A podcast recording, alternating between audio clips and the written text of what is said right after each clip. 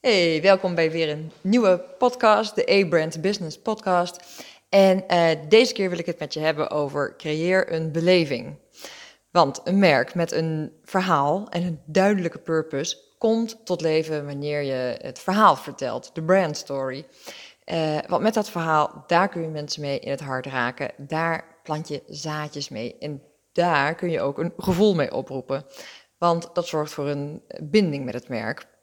En uh, om dat te illustreren wil ik je even meenemen um, in een verhaal wat ik nog steeds een heel mooi voorbeeld vind. Uh, en dat is um, een diner in New York en die heet Ellen's Stardust Diner. En daar hebben ze echt goed begrepen hoe je een verhaal vertelt en uh, hoe je uh, een beleving kunt toevoegen aan je concept. En ik ben daar een keer geweest om uh, hele lekkere pancakes te, voor breakfast te eten. Uh, daar hou ik wel van. Maar serieus, deze ervaring uh, was echt heel bijzonder. Want je kunt je natuurlijk afvragen: is het nou zo'n heel goed idee om in het meest toeristische gedeelte, Times Square bij Midtown Manhattan, om daar een diner te gaan zoeken om je ontbijtje te scoren? Maar ja, dan ben je nog nooit bij Ellen Stardust geweest, want dit is dus echt de moeite waard. Bevindt zich dus op Broadway. En staat uh, bekend om de world famous singing staff. En je weet echt niet uh, wat je ziet en wat je hoort. Want uh, we hadden daar lekker plekje gevonden. We keken even op de menukaart. uiteraard grote American breakfast mogelijkheden. Met grote American prizes. Maar goed, je zit op Times Square, dan moet je daar niet heen gaan. En ondertussen dat we daar zaten, kregen we een optreden te zien van zo'n Broadway-ster in de dop. En echt, uh, konden echt heel goed zingen en uh, toffe performances erbij. En ik dacht, ja, ik vind het leuk, want ik hou wel van, uh, van musicals, dus ik was helemaal blij. Maar wat zo, wat zo geinig was, op het eind van zo'n nummer had dus de zanger A bijvoorbeeld helemaal goed gezongen. En dan, pop, ging de volgende, er kwam zanger B. En dan ging zanger A gewoon weer verder als serveerster dat was apart. Dus het ene moment staan ze echt op te treden en de sterren van de hemel uh, te zingen. En het volgende moment leggen ze de microfoon weg en staan ze aan je tafel van... Uh, Can I take your order, please? Weird. ik zat net nog naar jou te kijken en je uh, ja, te applaudisseren. En, en, nu sta je hier gewoon mijn bestelling op te nemen. Dus heb microfoon aan de kant en weer door. Maar dit, dit concept bleef dus de hele tijd zo doorgaan. Hè? Dus had je daar als bijna ontdekte Broadway-star gezongen kon je daarna weer door met tafels afnemen. En dit roleerde dus steeds. Dus uh, super grappig. Um, maar dit concept. Uh, op zich is het al een hele beleving om uh, te ontbijten met zingende bediening erbij. Dat is één ding. Maar er was nog iets waar ze ontzettend goed in bleken te zijn. En dat was storytelling. Want de DJ, die elke artiest ging aankondigen, vroeg op een gegeven moment even een momentje de aandacht, als ze lekker volle bak daar hadden, uh, even de aandacht vragen aan alle bezoekers van de diner. Pakte die de microfoon, ging die uitleggen waarom ze deden wat ze deden. Hun why. Want die bediening was hier niet zomaar aan het werk. Natuurlijk, ze waren hier aan het werk om hun uh, rekeningen van te kunnen betalen. Maar zij hadden een bigger purpose. Ze hadden een groter doel. Zij werkten in die diner, maar dit hier werken was een kans op een doorbraak on Broadway. En dat was hun ultieme wens. En elke dag dat zij hier in die diner aan het werk waren, waren ze weer een stapje dichterbij om die droom te verwezenlijken. Want ze deden hier elke dag zoveel ervaring op met zingen, met performen. En ze waren zichzelf gewoon elke dag een stukje uh, beter aan het maken. En elke dag kwamen ze dan een stukje dichter bij die droom. En uh, um, daarnaast, naast het uh, opdoen van ervaring in die diner, grepen deze mensen elke mogelijkheid aan om zichzelf te verbeteren. Dus ze namen acteerlessen, zanglessen, danslessen. Er werd ons dus verteld, ja, al het geld wat ze hier verdienen, investeren ze om die doorbraak op Broadway mogelijk te kunnen maken.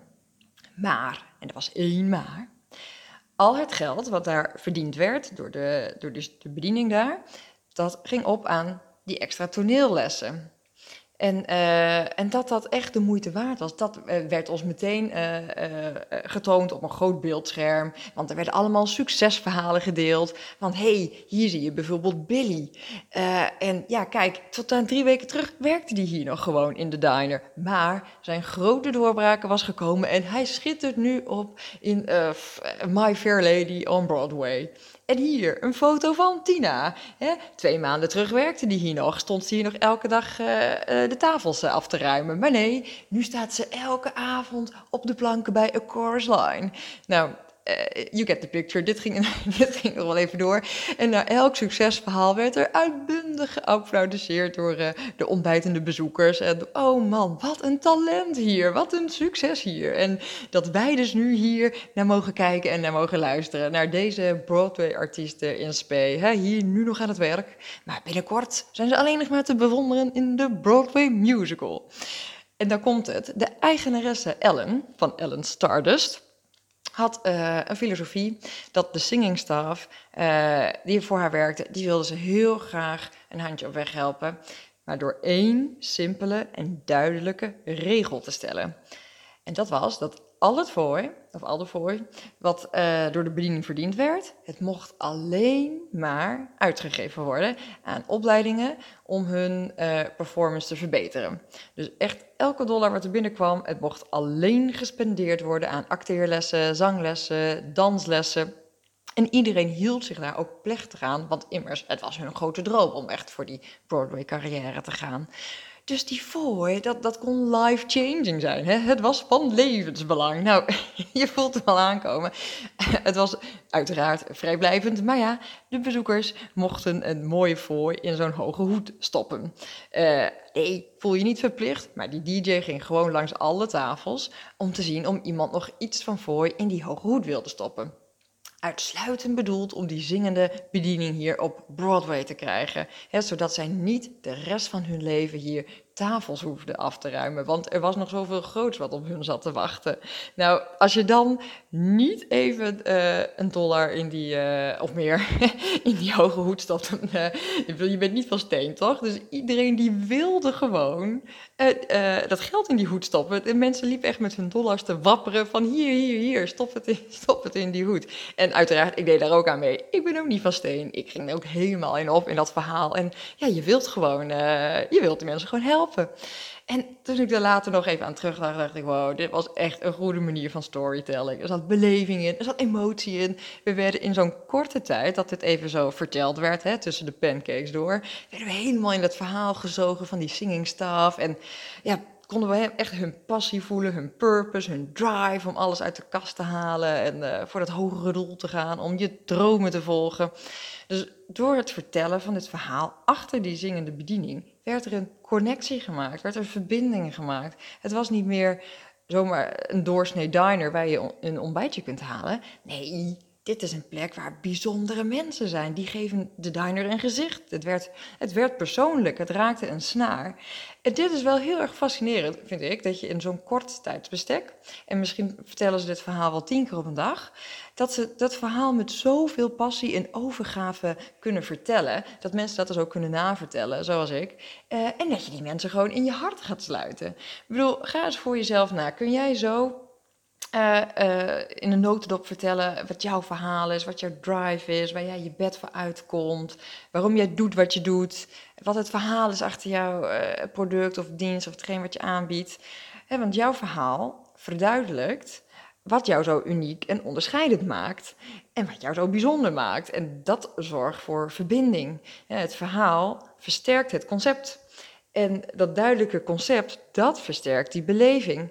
Dus uh, ik zou je allemaal uitnodigen om eens goed na te denken over jouw verhaal en hoe jij beleving kunt toevoegen uh, aan hetgeen wat jij doet.